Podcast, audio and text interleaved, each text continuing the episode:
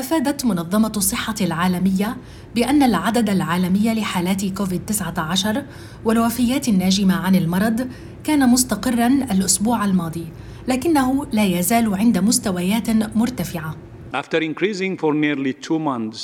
بعد ارتفاع لمدة شهرين تقريبا كان العدد العالمي لحالات مرض كوفيد 19 والوفيات الناجمة عنه مستقرا الأسبوع الماضي ولكنه مستقر عند مستوى عال للغاية.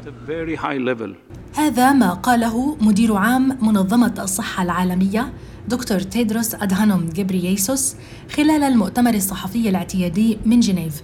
مضيفا أن الوضع مختلف من بلد لآخر ومن مدينة لأخرى.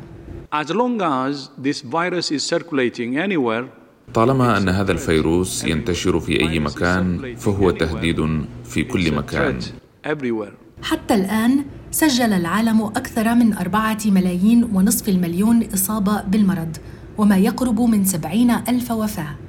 وأوضح مدير عام منظمة الصحة العالمية أنه حتى مع استمرار مساعي فهم كيفية بدء انتشار هذه الجائحة فإننا نمضي قدما في خطط لتعزيز دفاعات العالم ضد الأوبئة والجوائح المستقبلية.